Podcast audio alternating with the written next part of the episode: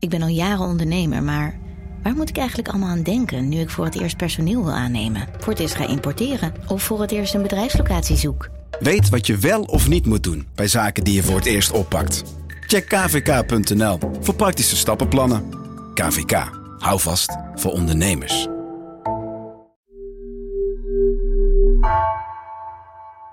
Physical modeling of Earth's climate. Oh, wat vet. Oh, cool.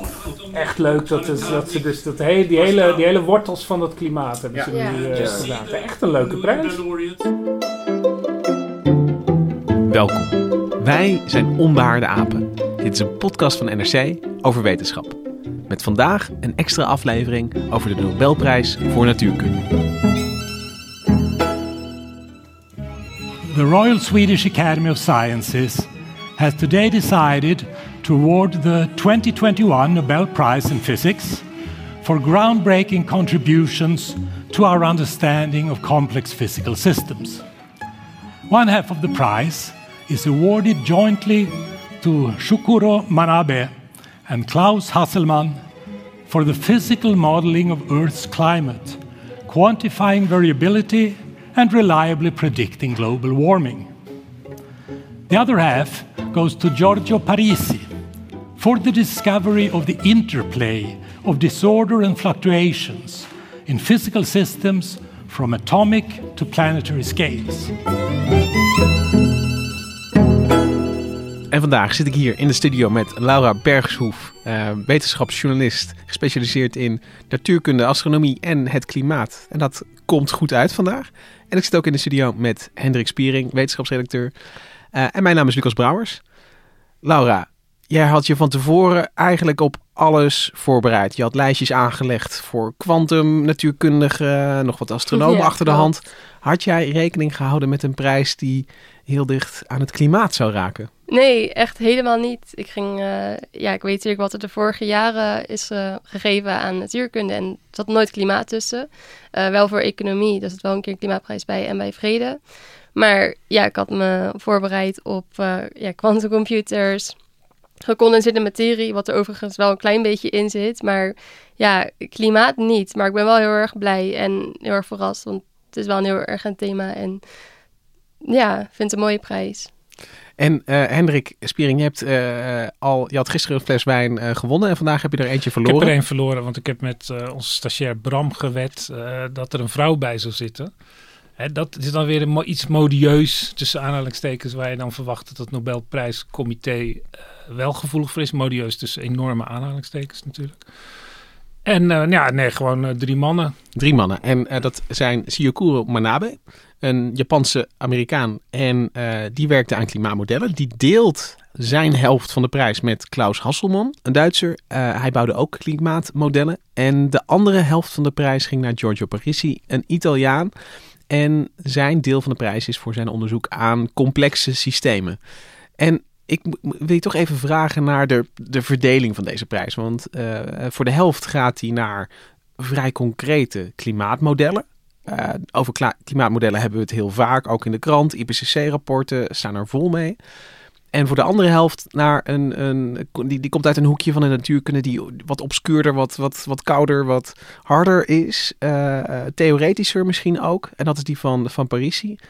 Ehm, hoe zit dat met deze verdeling? Waar, hoe komen deze, deze drie samen tot één prijs? Ja, klopt. Ja, Manabe en Hasselman die kijken dus echt ehm, op grote schaal naar eh, complexiteit in de atmosfeer, dus hoe de atmosfeer zich gedraagt.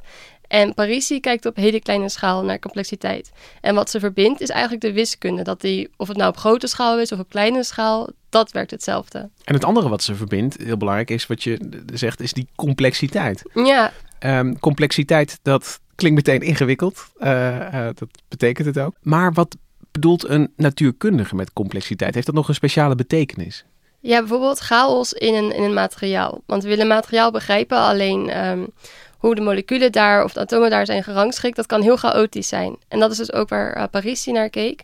Hij keek naar spinglas en dat is een, uh, een soort mengsel van ijzer en koper. Ehm, waarin de magnetische eigenschappen net iets anders zijn dan bij normale magneet. Namelijk de oriëntatie van het magnetische veld lijkt heel random verdeeld. En dat bedoel je dus met complex. Van, er lijkt geen touw aan vast te knopen uh, hoe dat materiaal in elkaar zit. Waarom het ene magnetische veld omhoog staat en het andere naar rechts. En ehm, wat hij dus probeert is om daar een soort structuur in uh, te vinden, een soort logica. En dat is hem ook gelukt. Dus de logica die achter de kennelijke chaos ligt. Eigenlijk. Ja, precies.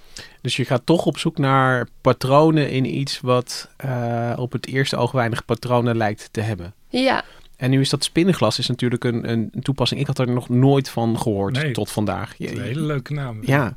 En, en is dat um, is, is, is het daarmee een goed model voor, voor complexiteit? Kun je de lessen uit spinglas uh, dan ook makkelijk toepassen op andere complexe systemen? Ja, zeker. Ja, het is vooral, het is dus um, klimaatmodellen bijvoorbeeld. Die lijken dus vaak volgens velen te complex om uh, er voorspellingen mee te doen. Maar wat we nu van Paris leren, is dat complexiteit eigenlijk gewoon geen excuus is om die klimaatmodellen te zeggen van we kunnen het klimaat niet voorspellen.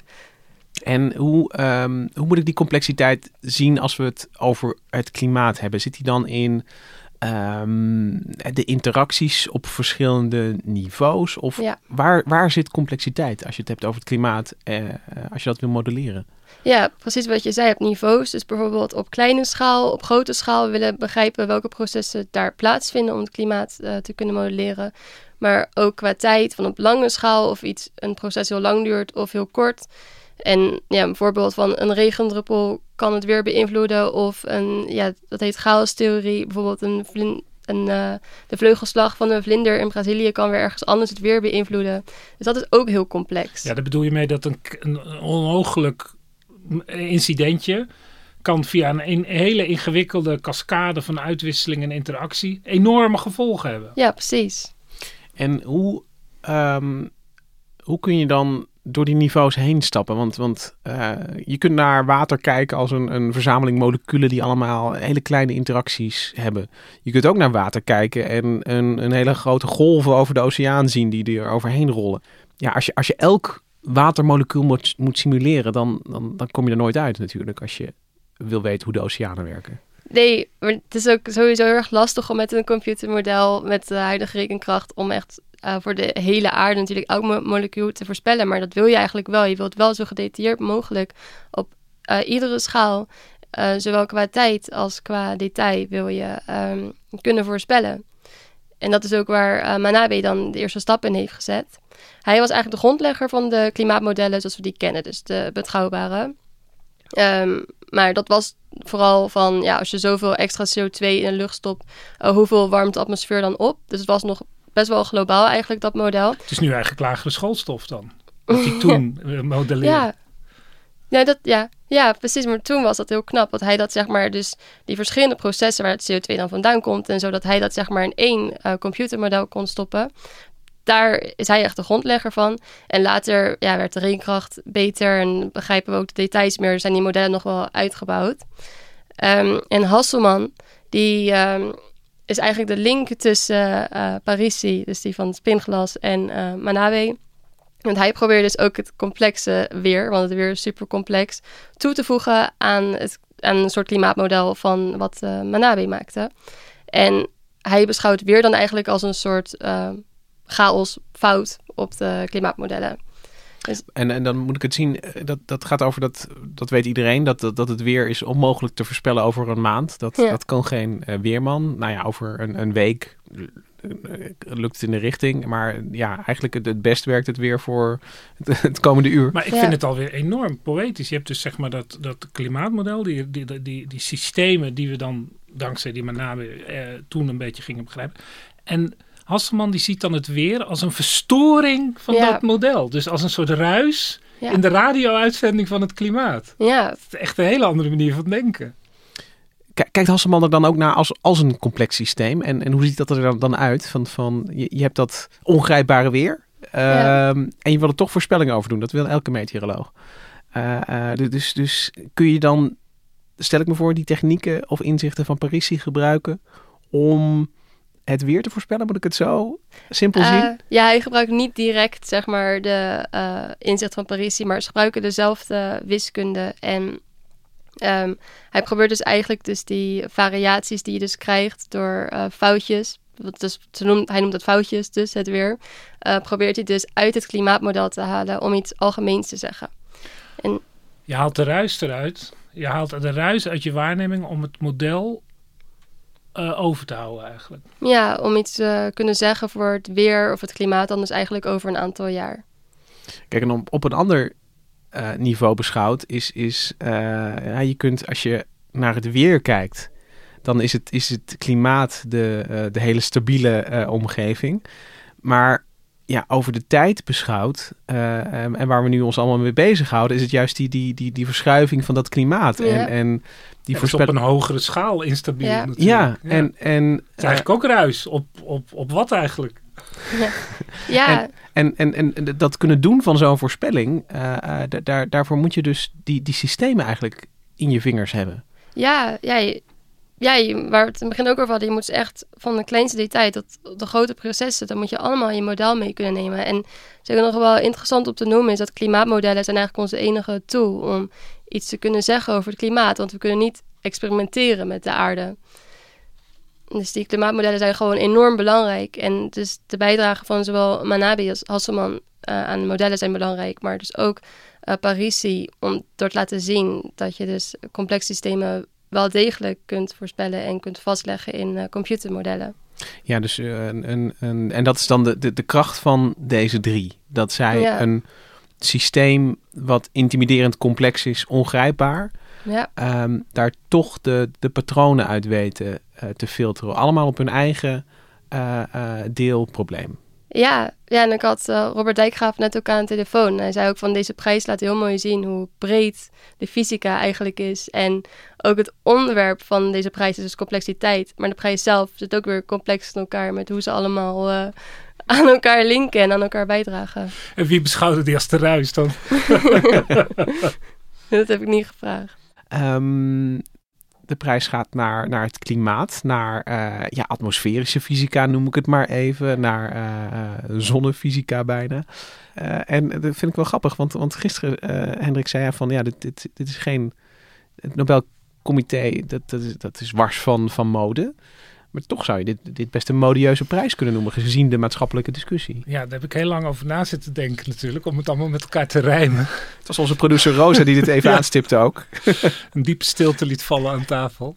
Maar ehm, het is natuurlijk wel zo dat die ehm, klimaatontwikkelingen, dat is al een proces van 20 jaar, 30 jaar. Nou ja, dat vind ik ook zo mooi van deze prijs, even los van de, de modieusheid, dat het in de jaren 60 eh, eh, begint en dan krijg je die extra modellen van Hasselman in de jaren 70, die, die, die eh, natuurkundige wiskunde eh, uit Rome eh, in de jaren 80. Het is zijn oude ontwikkelingen die nu totaal zijn belang hebben bewezen. Dus in die zin is het niet modieus. Maar politiek gezien is het klimaat natuurlijk nog nooit zo op de agenda geweest van de hele wereld als nu. Nee, en ik vind het wel grappig, want de eh, klimaat... eh, Dit, eigenlijk volgt deze wetenschapsprijs eh, als laatste, want in 2018 kregen eh, economen Ja. Ja. de Nobelprijs Ja, voor heel hun- praktisch. Ja, William Nordhaus. Ja, en dat, en dat Ja. was voor hun werk aan eh, CO2 beprijzen, toch? Ja, en hoe het Ja. klimaat eh, macro-economisch eh, invloed heeft. Dus dat je in je macro-economische modellen, die natuurlijk eindeloos overal draaien, dan moet je het klimaat ook in doen. Dus Ja. dan worden de investeringen in kustgebieden duurder, bij wijze van spreken. Dat is natuurlijk een hele simpele redenering. Ja. En in 2007 kreeg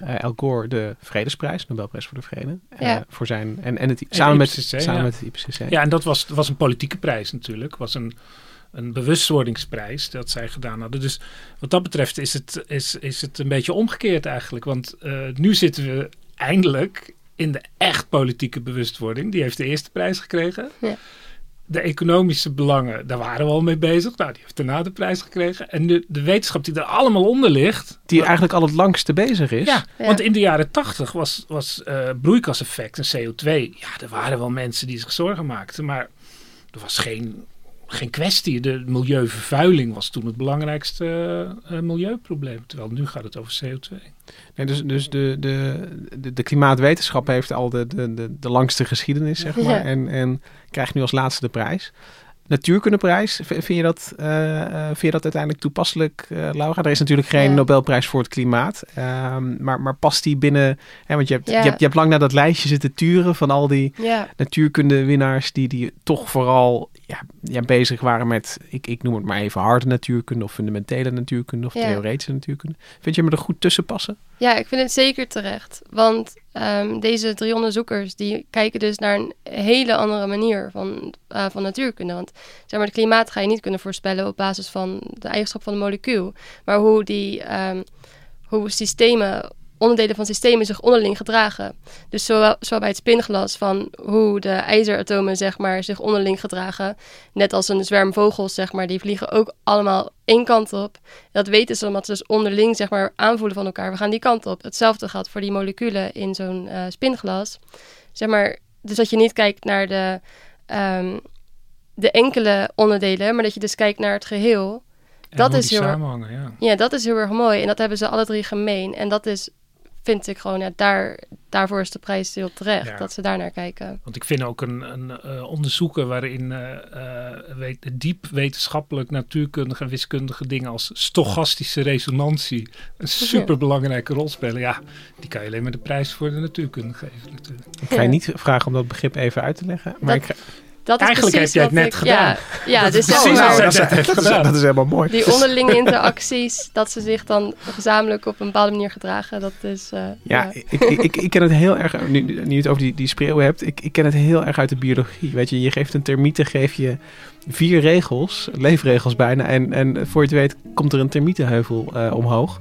Uh, die, die, die, niet, die, die, die zie je niet aan die regels af, maar als je het, het proces opstart dan zie je die heuvel ineens ja, verschijnen. Dus wat deze mannen dus gedaan hebben, is uh, de wereld als één grote termietenheuvel uh, beschouwd. ja, dat... en, uh, en zo krioelen we voort, zou ik bijna zeggen. Uh, dankjewel Laura, dankjewel Hendrik dat jullie hier kwamen vertellen over de Nobelprijs voor Natuurkunde. Dankjewel Rosa van Toledo voor de productie van deze aflevering. Voor de snelle productie van deze afleveringen, moet ik zeggen. want ze staan heel snel online. Uh, morgen zijn we er weer met uh, ja, de laatste wetenschapsprijs, de Nobelprijs voor chemie. De muziek die je hoort, die is gespeeld door het Judo Quartet. Wij zijn er morgen weer. Tot dan!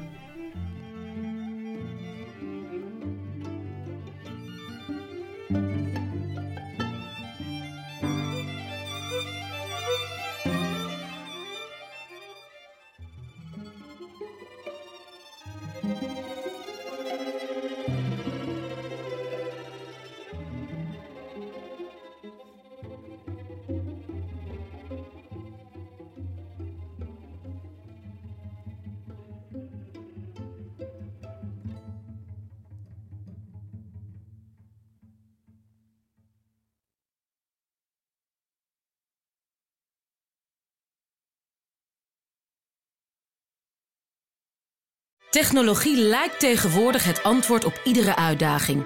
Bij PwC zien we dit anders. Als we de potentie van technologie willen benutten, kunnen we niet zonder een menselijk perspectief. Human-led, tech-powered noemen we dat. Ga naar pwc.nl.